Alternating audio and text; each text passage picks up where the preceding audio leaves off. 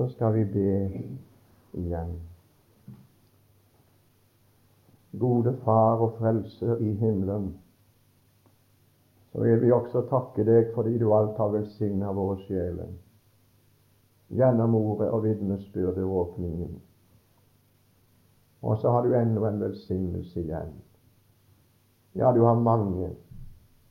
Og så vil du gi oss noe også noe videre i dette møtet av all den åndelige velsignelse som du har velsigna oss med i himmelen i Kristus Jesus.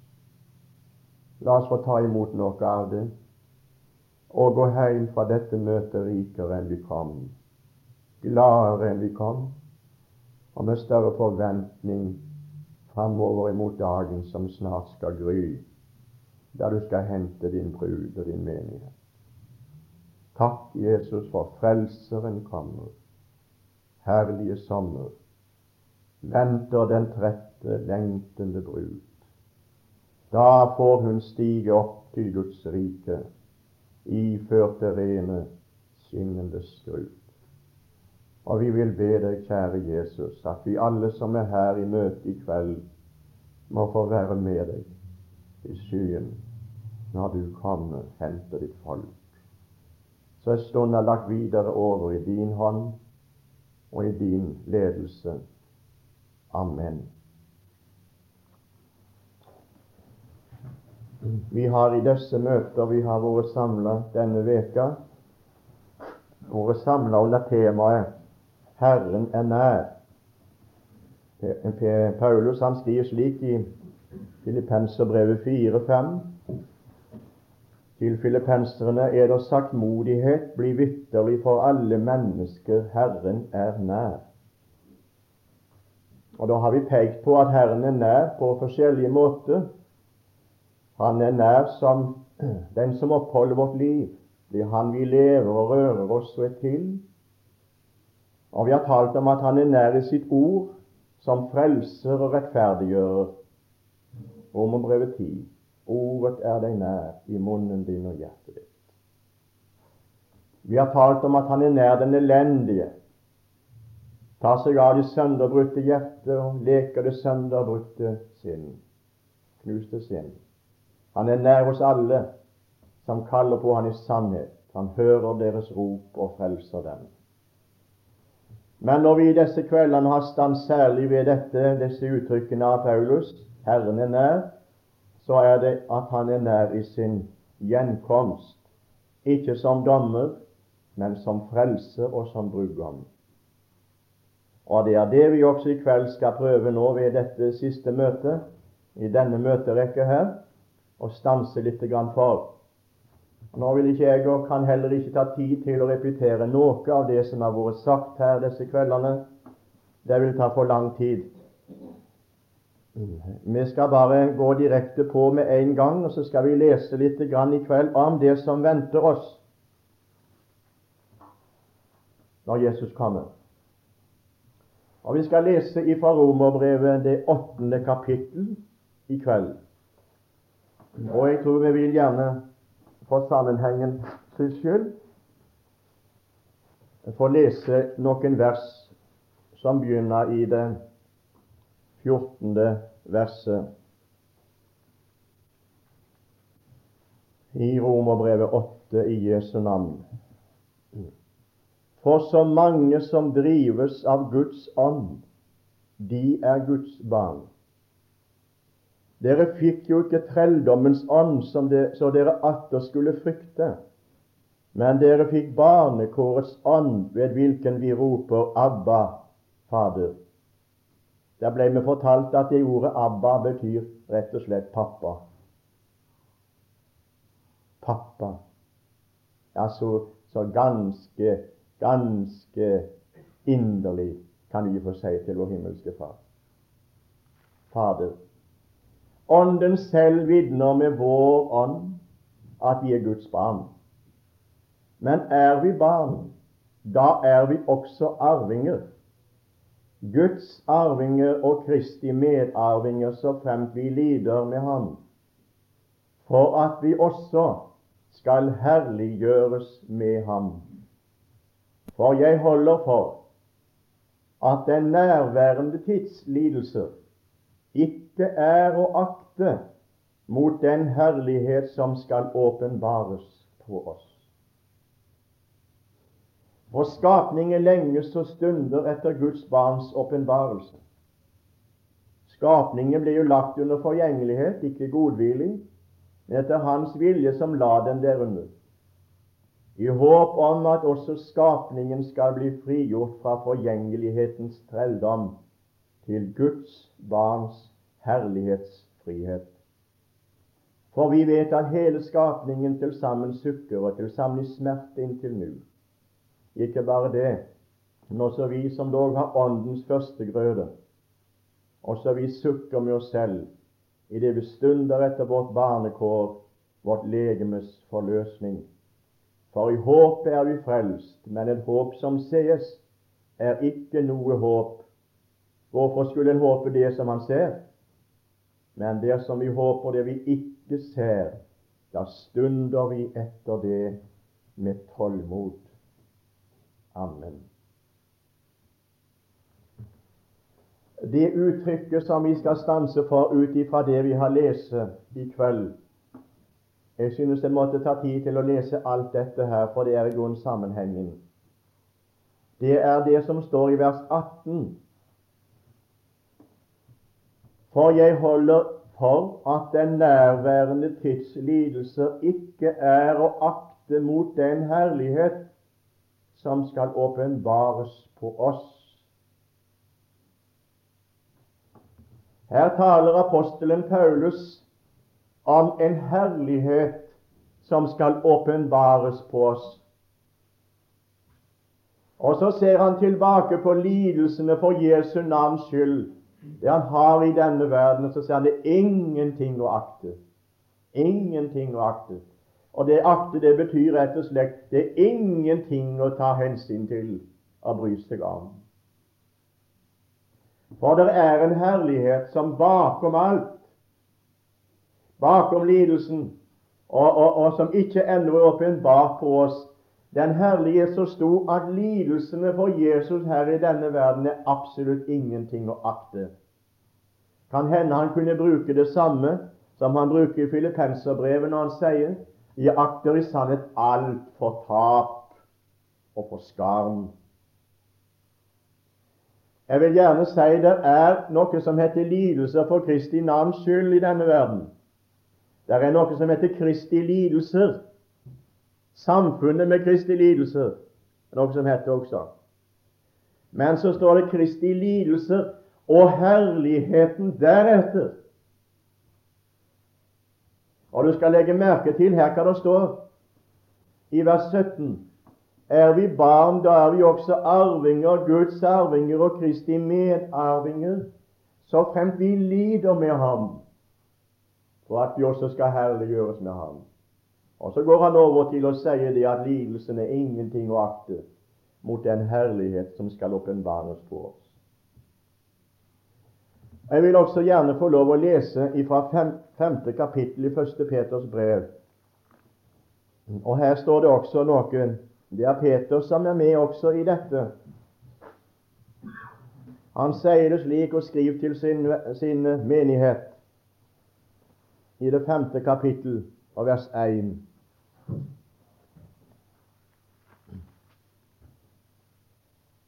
Og 10, vers 10. De eldste blant eder formaner jeg som medeldste og vitne om Kristi lidelser som den som har del i den herlighet som skal åpenbares. Legg merke til lidelsen først, og så herligheten. Jeg kommer alltid sammen, går alltid sammen. Vers 10. Men all nådes Gud, som kalte eder til sin evige herlighet i Kristus Jesus, etter en kort tids lidelse Legg merke til uttrykket han kommer igjen. Lidelsen. Etter en kort tids lidelse. Han skal dyktiggjøre, stadfeste, styrke, grunnfeste der. Meg har ikke tid til å komme inn på det her. Vi skal stanse litt for i kveld, for herligheten deretter Den herlighet som skal åpenbares på oss, den er ennå ikke åpenbart, men den skal åpenbares på oss. Og Da vil jeg gjerne stanse for tre hovedpunkter i disse, denne ting i kveld. For det første så vil jeg si det slik vi skal opptas i herlighet. Og Nå vil jeg gjerne be deg at du noterer deg i din tanke, om du har papir også, så kan du gjerne det, for jeg synes det er godt å få lov til å ta det med. Vi skal ta et vidunderlig vitnesbyrd fra den gamle testamentlige personen Asaf fra Salme 73. For det er vel mange som kan avlegge det vitnesbyrd som Asaf, både det negative og det positive, kan jeg tenke meg. Asaf holdt på nemlig å gli liksom bort fra samfunnet. Det la vi legge vi merke til, ikke sant? Men Herren han øya med han og passet på han og sa nå må du inn i helligdommen, Asaf. Og nå er du i faresonen. Og når han endelig kommer inn der, så får han se noen ting, og så står det i vers 23 i Salme 73 Men jeg blir alltid hos deg. Hvorfor? Du har grepet min høyre hånd. Du leder meg med ditt råd gjennom verden, altså. Og deretter opptar du meg i herlighet. Her kan vi si at her er tre hovedpunkter for Guds folk i tiden. Og når disse tre hovedpunkter lever Guds barn, grepet av Herren, vil si Herren har tatt tak ved sin frelse, ved sitt evangelium i synderhjertet. Han er grepen av Jesus, grepen av hans liv, grepen av hans gjerning, grepen av hans vilje og grepen av hans ånd. Han blir leder ved Guds råd. Herren leder han med sitt råd, eh, med sitt øye, gjennom verden. Du leder meg ved ditt råd. Og legg nå merke til det er én ting som Jesus er venner for alle sine. Et barn er oss født, en sønn er oss gitt, skal vi snart lyde ifra kirke og bedehus. Han er kalt under rådgiver. Rådgiver. Er han rådgiveren i dag? Han som gir råd til deg og meg? Ja visst. Han er rådgiveren. Gi deg råd. Å, du, han sier det. Jeg vil gi deg råd med mitt øye. Det er Kristus. Slik er han. Skal du høre et vidunderlig fint råd? Han er rådgiveren. Et av de fineste og mest sentrale. Her, søk først Guds rike. Hans rettferdighet. Guds rettferdighet i Kristus. Og rettferdighetens liv med Han. Søk først det. Så skal du få alt det andre i tilgitt. Et vidunderlig godt råd, ikke sant? Er rådgiver. Han vil oss bare vel. Han vil deg vel. Han vil ha deg til himmelen. Og han vil at du skal være en lykkelig og sann kristen under vandringen. Du leder meg ved ditt råd, og deretter Og så ser Asaf opp mot himmelen, og så sier han hvem har gjeld oss i himmelen når jeg har deg, har jeg ikke nytt lyst til noe på jorden. Men han sier meg, deretter opptar du meg i herlighet. Det skal vi. Vi skal bli opptatt i herlighet. Ja, hva vil det si, da? Jo, venner, herligheten den begynner allerede når Jesus roper til seg sine skyene. Hva begynner den? Nå har vi herligheten i troen her. Nå ser vi Guds herlighet i speilen. Og her er speilen. Vi ser Herrens herlighet som i et speil. Men da skal vi se åsyn til åsyn. Du, der blir vidunderlig. Men eh, Og nå vil jeg si en ting. Du, det er stort å være frelst. Det er stort å få sett Jesus som sin frelser, som broderen åpna med her i kveld. Se, det Guds lam som bærer verdens synd. Og den samme Johannes som skriver det evangeliet om, vet du, han sier vi så hans herlighet, sier han om Jesus. Men du kan tro han fikk se han annerledes på Patmos. Du les magen 1. Han så han i all sin herlighet og glans. Og så falt jeg ned for hans føtter som en død. Og så la han sin høyre hånd på meg, og så sa han, frykt ikke. Jeg er den første og den siste og den levende. Jeg var død, men se, jeg lever i all evighet av nøklene til døden og dødsriket. Det var en annen Jesus han så da, enn han så han utenfor ved Jordans bredd, i foryngelsen og fornedrelsen. Men han sa da likevel det er Guds land, han som går der. Det er stort, venner, å kunne få se Jesus som Nathanael fikk se han, som Philip fikk se han, og som alle de andre fikk se han. Men så sa Jesus til, Philip, eh, til Nathanael Du syns det er stort, dette her, du. Du skal få se større ting enn dette. Du skal få se himmelen åpen. Venner, vi har ikke sett det største. Hva øyet ikke så, øret ikke hørte, var det ikke oppkom i noe menneskehjerte, hva Gud har beredt for dem som elsker Ham. Det kan vi også anvende på det som venter oss. Vi skal nå finne fram et par bibelstader her som forteller oss hvor herligheten begynner når vi skal opptas i herlighet. Det begynner allerede når Jesus kommer i skyen til skydekket. Filippenserbrevet først, det tredje kapittel. Og Det har vi sitert noen kvelder her, men jeg vil gjerne få lov å sitere det igjen i kveld. For det er, det er godt å få lov å igjen og igjen å minne hverandre om slike sannheter ut ifra Guds ord. I det tredje kapittel i Filippenserbrevet, det 20. og 21. vers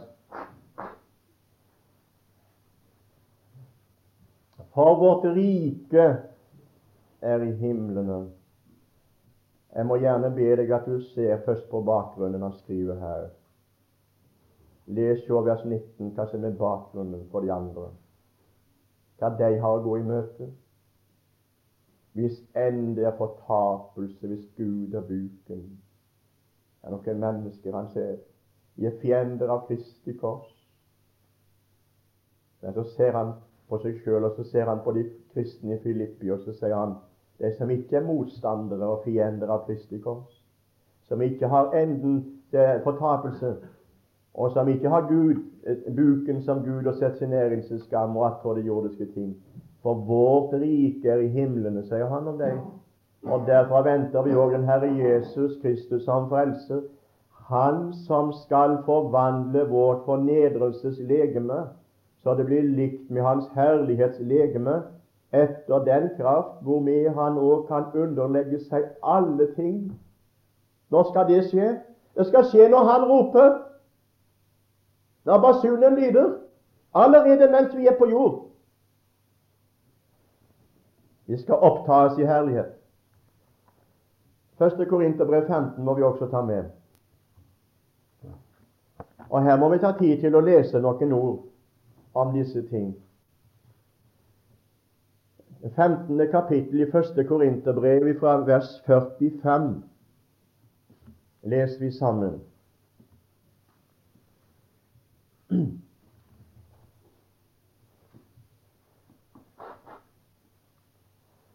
Således er det òg skrevet. Vi må ikke ta med, vi må ikke glemme det at det er skrevet dette også. Det første mennesket, Adam, ble til en levende sjel. Den siste Adam, det er Jesus. Det står ikke den andre Adam, men det står den siste Adam. Det skal ikke komme flere.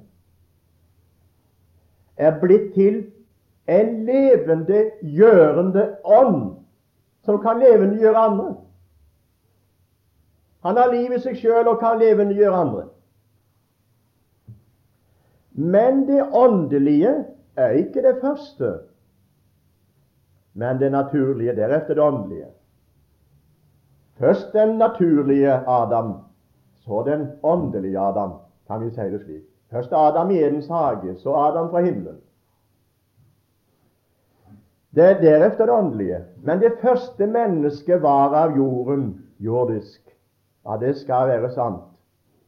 Det annet menneske er av himmelen. Det er like sant.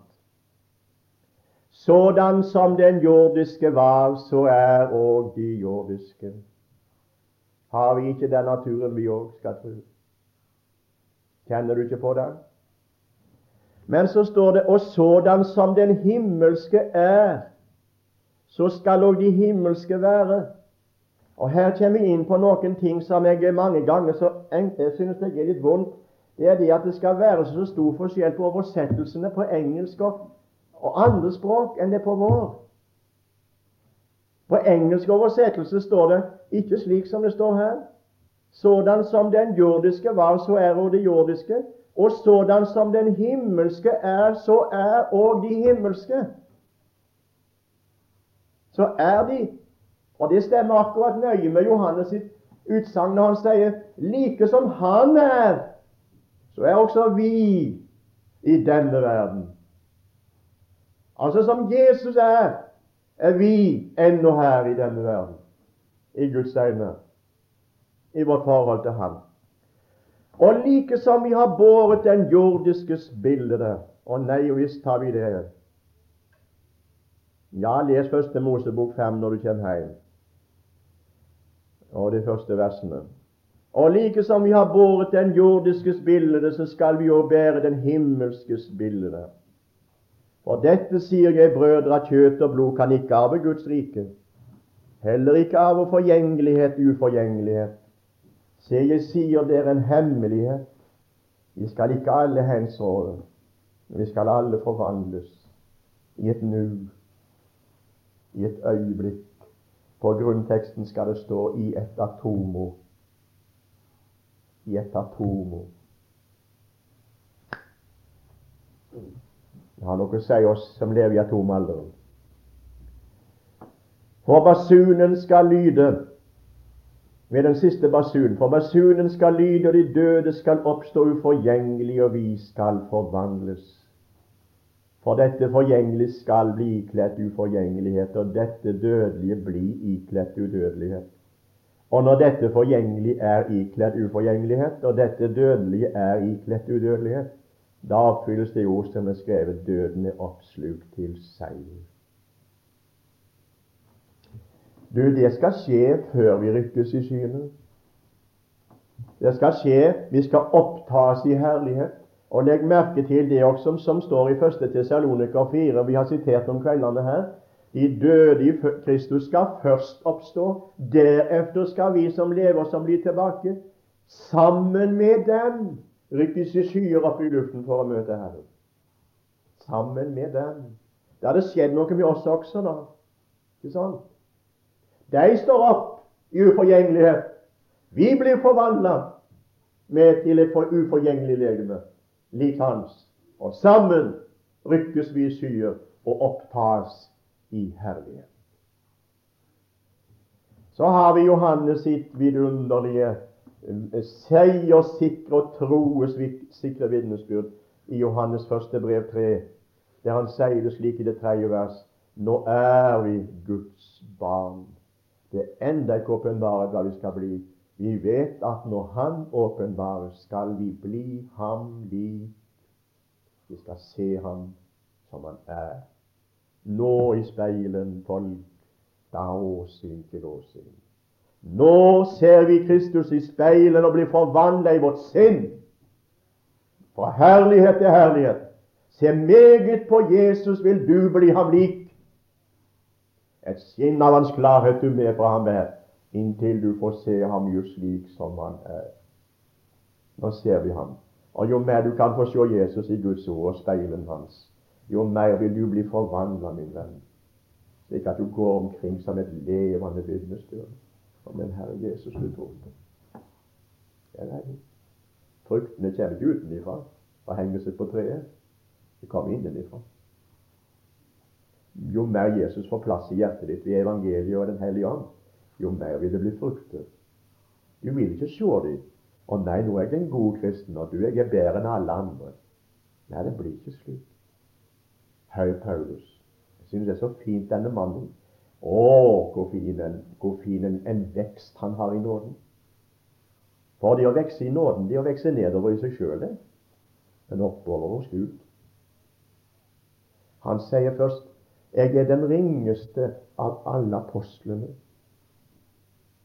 Så lever han sammen med Jesus i årevis, kanskje lang tid. Så blir han mer og mer avkledd sitt eie. Men Kristus blir større. Og så sier han nå, jeg, nå, nå kan jeg vitne og si jeg den ringeste av alle de hellige. Og så sitter han i fengselet i Rom og skriver brevet til sin kjære venn i år 68, ja, 58, da han skriver siste brev, 2. Timoteus. Han kommer like til slutten, så sier han det ofres allerede, og min bortgang er for hånden.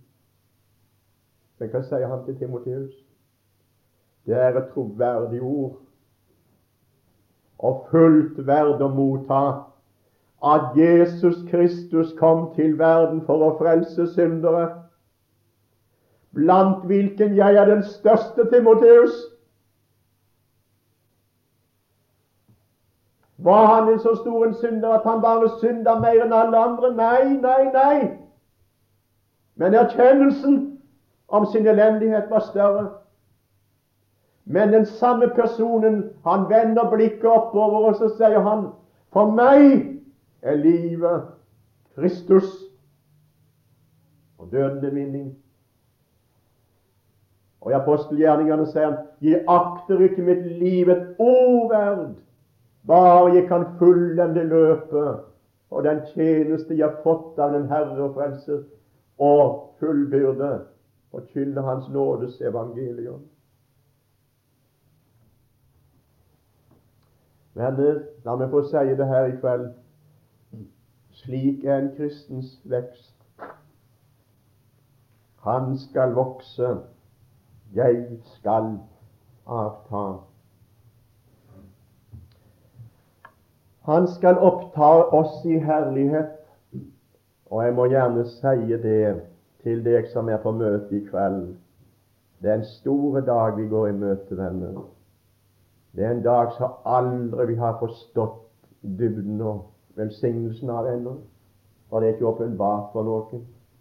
Men det kan det ligge i det. Og hvor, hvor djupt det kan få lov å forstå det her. Det, for meg svimler det for tanken. Tenk, bli han lik. Bli Jesus lik. Her ligger vi i vårt lønnkammer og og vare meg det Jesus lik. Det synes vi vi er så lite lik ham. Men da skal vi bli det.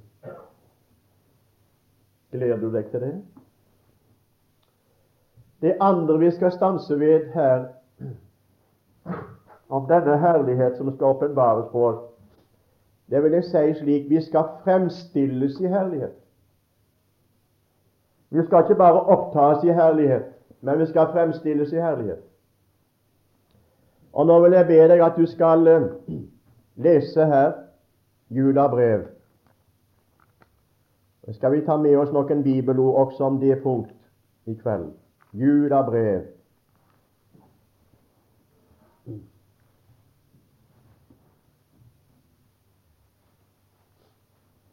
Og Der skal vi lese det 24. vers.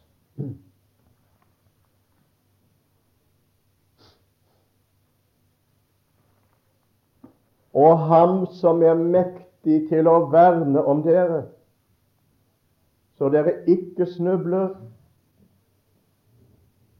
Og hva er mektig til meg? Og stille, og stille eder lyteløse frem for sin herlighet i fryd. Han er mektig. Og han skal stille sine framfor sin herlighet i fryd. Jeg vil også lese fra Efeserbrevet, fra det femte kapittel og 25. vers.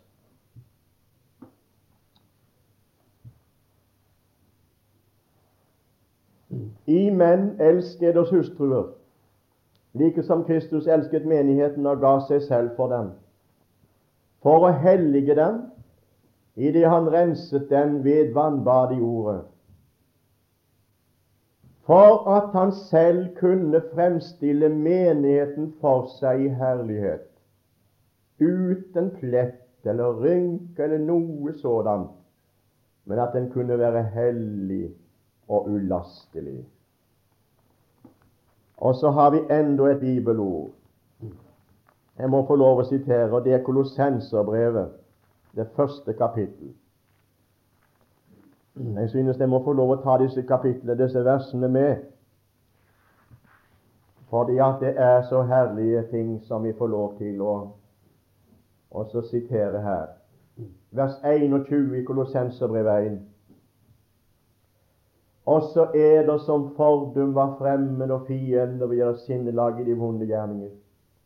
Eder har han nå forlikt i hans jordiske legeme ved døden, for å fremstille eder hellige og ulastelige og ustraffelige for sitt åsyn, så sant dere blir ved i troen, grunnfestet og faste, og ikke la eder rokke fra det håp evangeliet gir.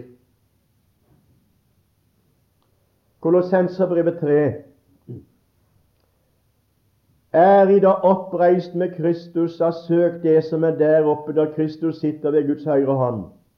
La deres hus stå til det som er der oppe, ikke til det som er på jorden. I er jo død, og deres liv er skjult med Kristus i Gud. Når Kristus, vårt liv, åpenbares, da skal og i åpenbares med ham i herlighet.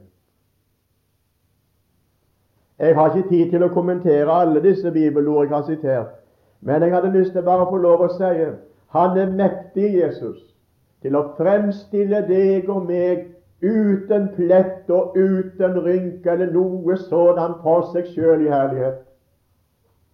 Han er mektig. Og jeg er glad fordi jeg skal få lov å stå her i kveld og tro at jeg personlig skal få lov å være blant disse en dag som skal få lov å stå der sammen med Jesus i herlighet. Uten plett uten rynke eller noe sådant. Det gamle er da tilbakelagt. Det er ingenting som minner lenger om jordens forgjengelighet. Nå er det uforgjengelig alt sammen, slik som Jesus. Det står i grunnen ingen plasser om at Jesus sang. Kanskje én plass. Det var på Nadbjørnsalen. Om han sang sjøl, det vet jeg ikke. Men det står iallfall en plass i Bibelen at han skal synge. Og når det, da? Salme 22. Når han stiller frem sin menighet for seg i herlighet. Salme 22, 23. Og da skal Jesus synge en lovsang når han har fått sine hjem. For da er hans bønn i Johannes 17 oppfylt. Fader, jeg vil at de som du har gitt meg, skal være hos meg, for å se min herlighet som du har gitt meg. Da er det nådd fram til det målet. Vers 23, Salme 22. Jeg vil kunngjøre ditt navn for menigheten midt i for mine brødre. Midt i menigheten vil jeg love deg. Så ser du ned under det verset står det Hebreerbrevet 2,12. Og det må vi se også på, for det er faktisk talt det samme. Men det står noe vidunderlig meg her i Hebreerbrevet 2 og 12. vers.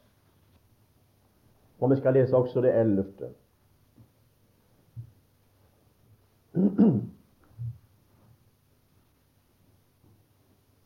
For både den som helliggjør, og de som helliggjøres, er alle av én. Det er Gud. Derfor skammer han seg ikke ved å kalle dem brødre, når han sier:" Jeg vil kunngjøre ditt navn for mine brødre. Midt i menigheten vil jeg love deg. Og atter, se, jeg vil, jeg vil sette min lit til ham, og atter Se, her er jeg og de barn som du gav meg. Når Jesus har fått sine til seg i herlighet, og har fremstilt deg for seg i herlighet, og står der inn i den evige herlighet som ventet, så skal han stige midt inn i menigheten, og så skal han lovsynge Gud. Midt i menigheten vil han lovsynge deg. Hvor skal han lovsynge deg da? Her er jeg og de barn du gav meg.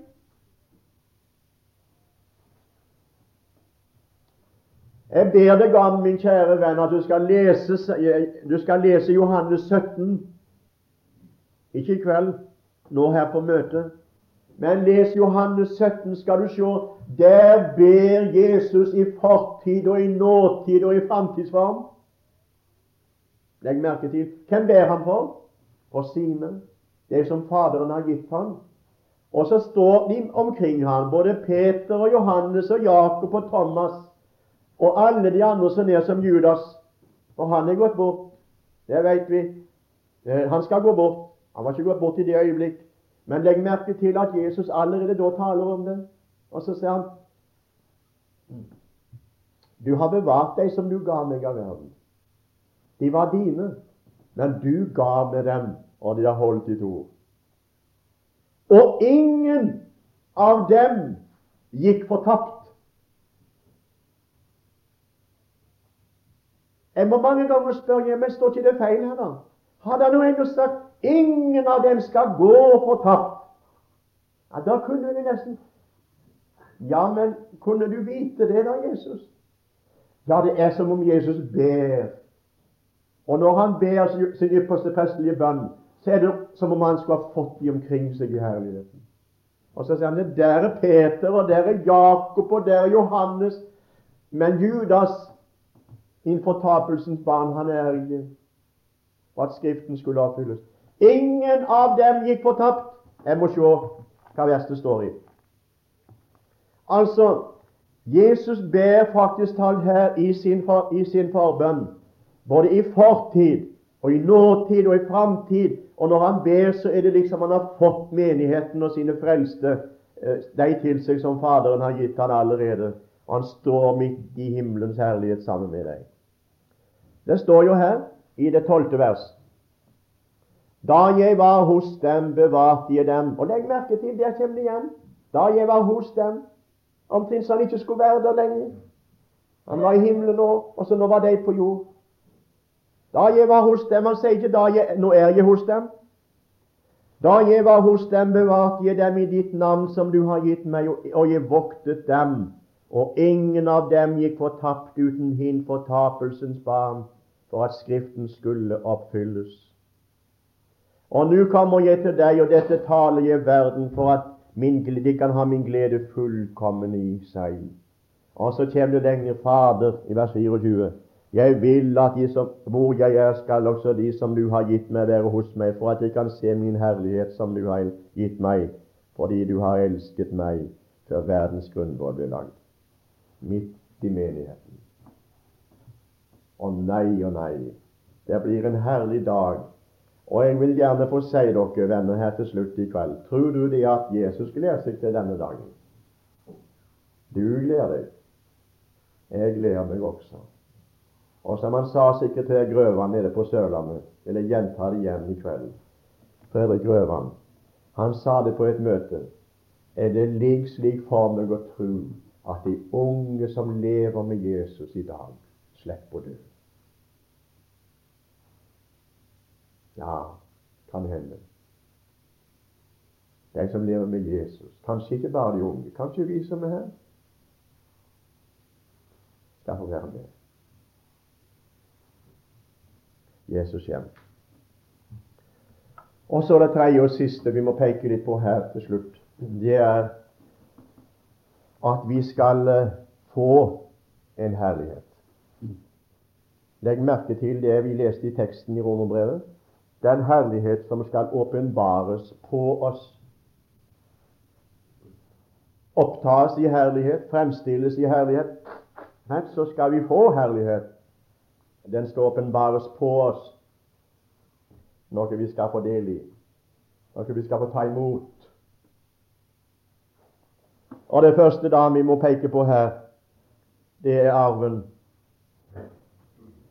Arven. Og legg merke til vi mange bibelord vi kunne sitere her, men legg merke til vers 17 i Romerbrevet vi leste her i det 8. vers, 8. kapittel. Men er vi barn, da er vi også arvinger, Guds arvinger og Kristi medarvinger, så fremt vi lider med ham for at vi også skal herliggjøres med ham. Vi er arvinger. Og Her kunne vi også lese det som Peter sier i sitt første brev, og første kapittel og tredje vers. Han taler om gjenfødelsen med Jesu Kristi oppstandelse fra de døde til en uforgjengelig arv, en uvisselig arv. En, en flekkløs, som det står på ny bokmål, arv, som er gjemt i himlene for dere.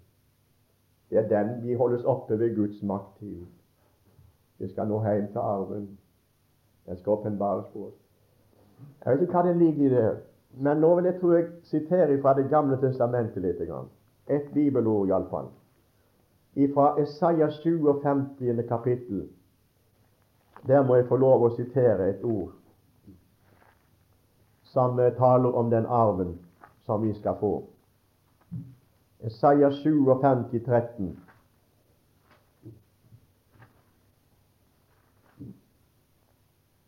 Og Der skal vi bare lese den siste halvdelen av det verset. For det andre, Den første halvdelen har jeg grunn til lite å fortelle oss.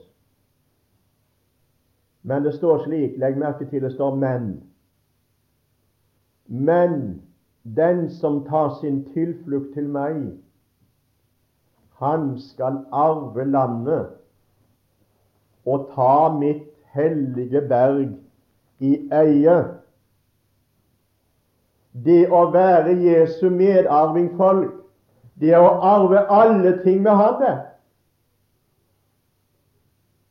Det er ikke bare sånn at du deler litt, slik som vi gjør det her på jord. At du får for 2000, og så får du for den gjenstanden, og så får du for den gjenstanden, og så får du for den, og så får du for så og så mange tusen. Så deler vi arven. Nei, folk, det blir ikke det. Medarving, det vil med andre ord si likestilling. Alt er mitt, det som er hans. I alt mitt hans her på jord. Hans, mine synder ble hans, tilrett han. Og det som han står for i dag, mitt, gjort rike på alt i han, så er også arven og alt det han skal arve, er mitt. Medarving. Og Jeg må gjerne få lov å peke på det, fordi det er noe vidunderlig som venter oss. Vi hadde en predikant her i, på Vestlandet. Han hadde gått hjem til Gud nå for år tilbake. Denne stillferdige, fine amerikapresten, eh, pastor Hansen. Han bodde på Bremnes i sine siste år. Han kom fra Vesten og hadde der en liten, lite prestekall i lutherske kirka der borte. Det var ikke, så, var ikke så rart mange ganger, sa han. Var lite lønn nå. Lite å hjelpe seg med. Vel, vel. En dag så kommer det en fin bil kjørende opp i prestegården, fortalte han meg. Og utstiger der en mangemillionær. En stor farmer. Og så sa han til pastoren vil du være med meg på en biltur i dag. Jeg skal bort til den og den staten. Tenkte jeg på at du kunne få være med. Jo, jeg sprang inn, sa presten, og så henta jeg eh, meg, kledde på meg, sa han, og, og sette meg inn ved siden av denne, denne rike mannen. Det skein i ringer, sa han, på hendene. Det var gull i tennene. Gull og netter. Å, det var, det var, det var så det skein av rikdom. Og bilen likeså. Vi kjører framover, sa han. Veldig fart på disse fine veiene som bare det. Og etter hvert som han kjører fram, så sier denne store farmoren og, og, og rike mannen Så langt som du ser, pastor, til venstre My country. Mitt land. Mitt land på høyresiden. Mitt land. Og så kjører vi, og så kjører vi, og så sier han det mitt land, mitt land, mitt land på alle sider. Mitt land så langt dine øyne rekker, mitt land. Så kom vi omsider til grensen, sa pastoren. Jeg sa ingenting, bare satt og beundra han hvor mye han hadde. Nå kjører vi over grensen, og så sa han ja, nå er det ikke mitt land lenger. Sånn. Her er egen annen. Så sa han hvem som måtte det. Og da sa denne fine, gudfryktige mannen, en av de mest fine jeg har møtt, tror jeg Da var det min tur å vinne. Og så så jeg på presten, sa han, nei, på mannen ved rattet, sa presten. Og så sa han Du må ikke bli overgitt, sa han, min venn, for jeg eier meget mer enn du. Og det var omtrent som han ville miste styringen. sa Han Han så liksom til sides over lognettene. Det spøker du? Du stakkars presten der borte med denne lille gasjen.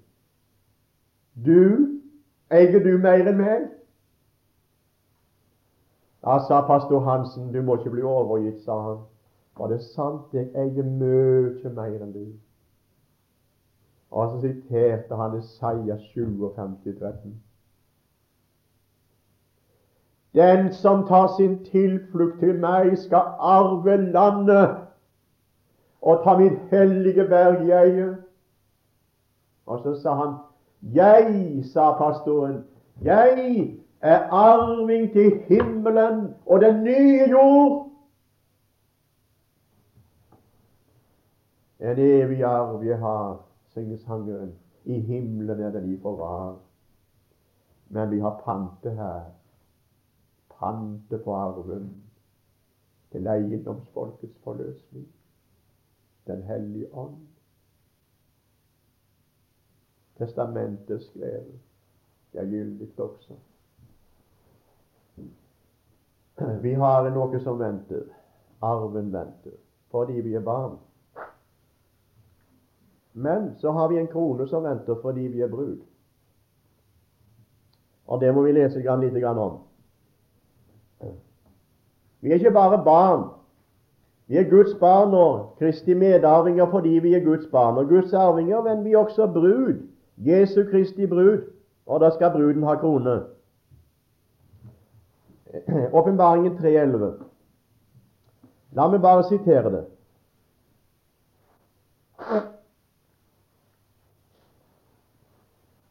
Det venter oss. Se, jeg kommer snart, hold fast på det du har, for at ingen skal ta din krone.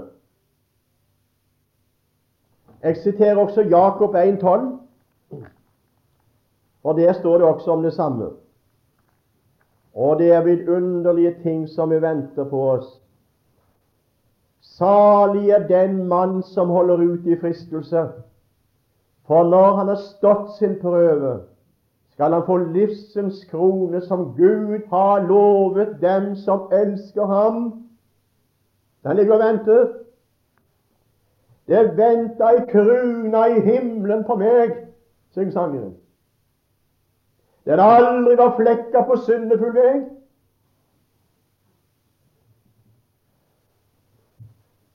Vær troen til døden, sier han til martyrmenigheten. Vær troen til døden. Og kanskje han sier det til menigheten sin bak jernteppet og bambusteppet, som må gi sitt liv i kvelden. Millioner har måttet gjort det. Grave sine egne graver i Kina. Stå på gravkanten og skåtne ned og vil grav før livet enda er ødda ut for Jesus skyld. Vær tro inntil døden, så vil jeg gi deg livsens krone. Brudeskaren, bruden skal få, få krone. Jeg vil be deg når du kommer hjem i kveld, om du vil ha interesse av det, og lese Jeg kan ikke komme inn på det. Leser Åpenbaringen 4, Åpenbaringen 5, skal du finne menigheten med kronen på sitt hode i herlighet. Det har blitt en veldig, veldig berikelse for meg. Jeg har ikke tid å komme inn på det i kveld. Jeg skulle ha gjort det. Når du ser det at menigheten er kalt for et kongelig presteskap og et hellig folk, så finner du det igjen i det første kapittelet i åpenbaringen. Han gjorde oss til konger og til prester for vår Gud. Så finner du igjen i det 24 eldste, representert i de 24 eldste symbolsk på tronene omkring tronen.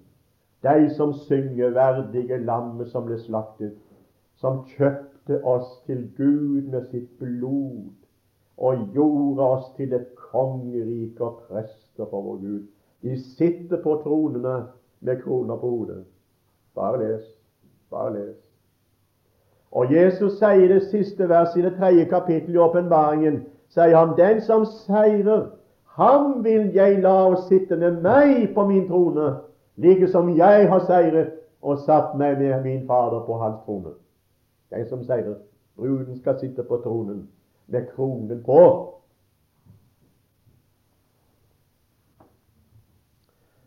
Det siste vi bare ganske enkelt skal peke på her, det er det at det venter en rettferdighetens krans i himmelen. Det skriver Paulus om i 2. Timoteus, og det må jeg så lov å sitere, for det gjelder ikke bare ham. Den er også kalt for ærens uvisnelige krans. Den er kalt for den uforgjengelige krans også i, i 1. Korinterbrev 9. Og personlig så tror jeg det at det er den samme. Der står slik For jeg ofres allerede, står det i 2. Timoteus 4. Jeg ofres allerede. Jeg har allerede sitert det. I det han henviser først til Timoteus, så sier du må være edru i alle ting og lide vondt. Gjør en evangelistgjerning. Fullfør din tjeneste. For jeg ofres allerede, og tiden for min bortgang er for hånden. Jeg har stritt den gode strid, jeg har fullendt løpet, bevart troen. Så ligger der rettferdighetens krans rede for meg den som Herren den rettferdige dommer skal gi meg på hin dag, dog ikke meg alene, men alle som har fått det så godt til å leve som kristne og gjort en ypperlig gjerning. Og hvor glad jeg er at det står slik. Ikke meg alene skal få denne kransen, men alle som har elsket Hans åpenbarelse. Også du, da? Når overhyrden åpenbares, skal dere få ærens uvisnelige krans, skriver han til de eldste. Vi, sier han, vi den uforgjengelig. De som løper på rennebanen, får en forgjengelig, men vi er uforgjengelig. Og jeg springer ikke slik at jeg fekter i været. Nei, sier han, jeg undertvinger mitt legeme å holde i trelldom, at ikke jeg som preiker for andre sjøl skal bli funnet uverdig. Så langt som jeg forstår Skriften, så er disse ting rettferdighetens krans, ærens uvisnelige krans, den uforgjengelige krans, lønnen som vi skal få for den tjeneste som vi har gjort for den Herre Jesus på jord.